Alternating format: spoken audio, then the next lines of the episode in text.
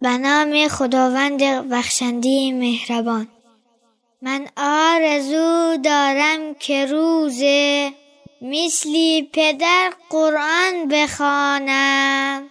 در گوشه ای بشینم آرام از قصه های آن بخوانم.